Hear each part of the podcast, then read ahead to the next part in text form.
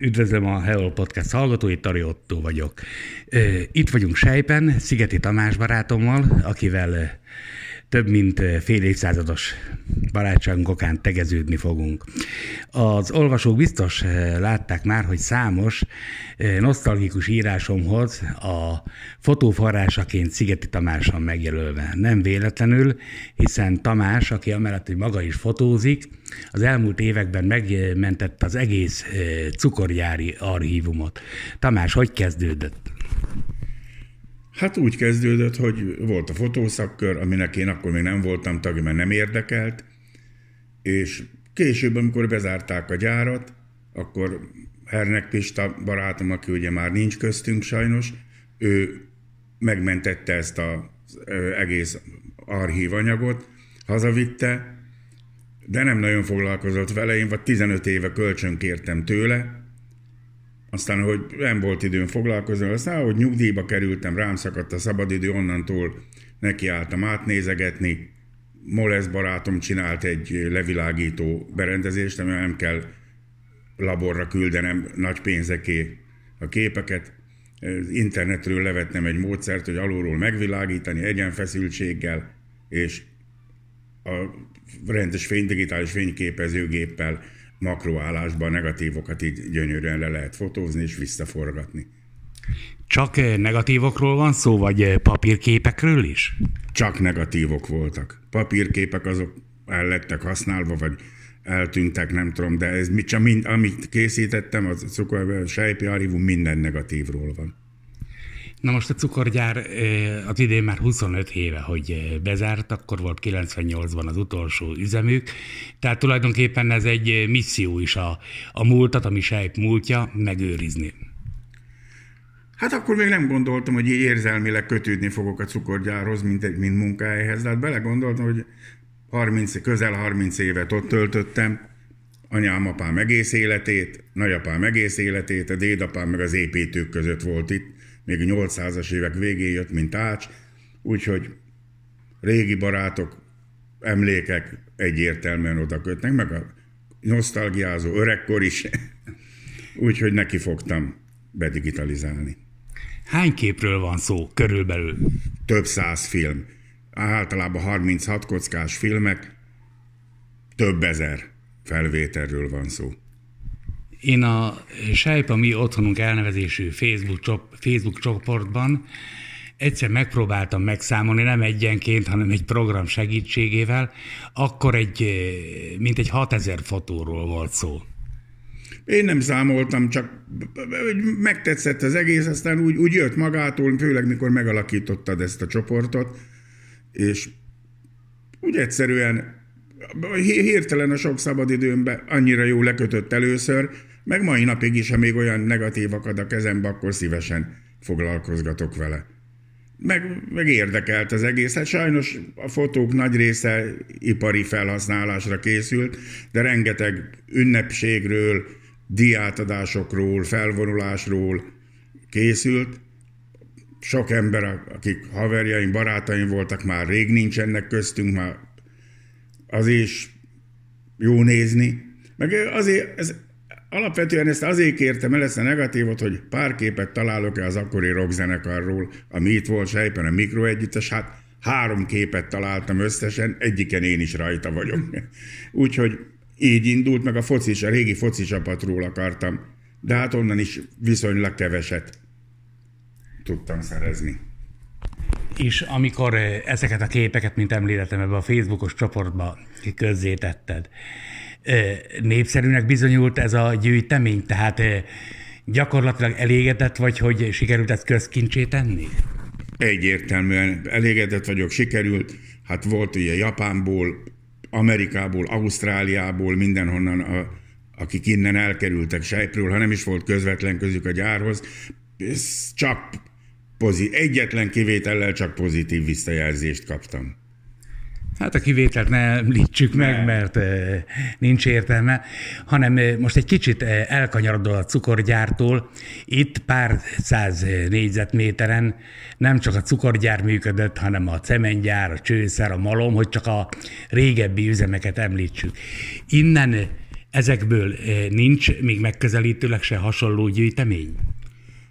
Alig tudtam 10-15 képet összekunyerálni ezektől az üzemekről. Nincs. Tehát a cukorgyárban a hagyomány volt ez a fotószakkör, 6-8 ember csinálta, ugye, hát a 70-es évek elejétől vannak fotók, sajnos korábbról nincsenek, csak... Vannak. Itt közbe kell vágnom, mert vannak. Olykor a öt, ja, ezek között, mert gyakran találkozunk az 50-es, de még inkább a 60-as években készült fotókkal is. Igazad van, egy részük ipari felhasználású, viszont a személyek, az emberek, ha nem is művészeti értékű fotók ezek, de dokumentációnak mindenképpen kincsek. Hát én, ha mikor fotózok, és én nincs művészi vénám, meg természetfotók, meg én, én dokumentátor vagyok gyakorlatilag, amit körülöttünk van. Sajnos későn kezdtem. Ez nagyon bánom, hogy a 60-as, 70-es években nem foglalkoztam a dologgal. Tehát 80-as évek végén vettem az első komolyabb fényképezőgépet. De hát akkor meg már ugye azok az emlékek, amik most jó lennének, már akkor nem voltak meg. Van még értelme folytatni a gyűjtést? Ez egyben egy ilyen felhívás is, hogy aki tud, az járulja hozzá, vagy már annyira végesek a, a, a, a kollekció darabjai? Biztos, hogy rengeteg jó, ha nem is negatív, de papírkép van még családoknál, házaknál. Gyakorlatilag soka, eleinte nagyon sokat kaptam régi gyári ismerősöktől, meg sejpiektől, amin hát egy javarészük családi fotó volt, de voltak benne azért olyanok, amiket fel lehetett használni, meg voltak kimondva a régi Sejpi strandról, amiről azóta se tudok, pedig egy óriási dolog volt itt ez a strand, ugye csak az idősebbek emlékeznek már rá, de nagy, tehát ígérgetnek, de aztán annyiba is maradunk. Hát, ha majd most ennek hatására is kapsz még, kapunk még képeket, amiket szerintem megígérhetjük, hogy azokat is közkincsét tetszük. Van-e olyan fotó, vagy vannak-e olyan fotók a gyűjteményben, amiknek különösen örültél, amik eh, tényleg nagy kincsnek számítanak, vagy esetleg akkora kuriózumok, hogy hála Istennek megmaradnak az utókornak?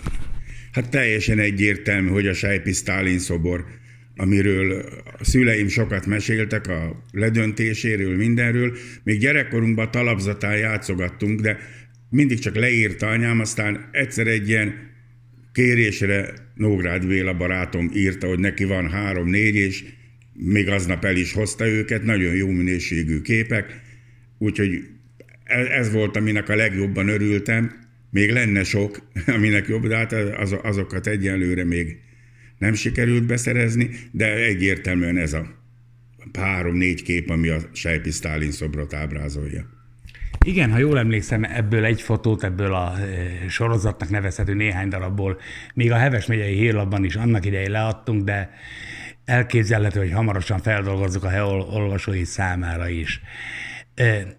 Ugyanakkor fontosnak tartom megjegyezni, hogy sejpen kívül ilyen hatalmas gyűjteményt az interneten, jó, hát Budapestet meg a nagyobb településeket leszámítva, 60-ba találtam, ahol szintén egy közös ismerősünk, 60 Gabi, gondozza ezt, ráadásul Londonból. Szoktatok egymással üzenetet váltani ennek kapcsán?